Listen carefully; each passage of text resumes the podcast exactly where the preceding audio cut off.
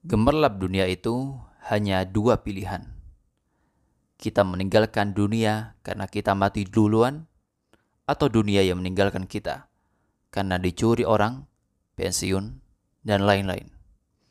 Oleh Ustadz Aris Munandar, Hafizahullah Ta'ala dalam nasihat ulama penggugah jiwa.